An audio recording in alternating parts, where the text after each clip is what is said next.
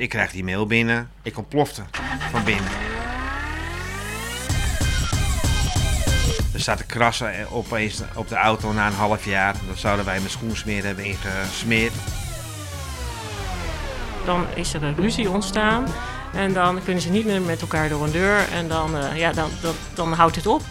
De eerste aflevering van Bureau BOVAG gaat over geschillen tussen klant en ondernemer. Klanten liegen ook vaak, hè? Want ze zeggen allemaal wel dat de, dat de slecht zijn, maar die klanten zijn er af en toe veel slechter. Hè? De podcast Bureau BOVAG. Dit weekend in jouw favoriete podcast-app.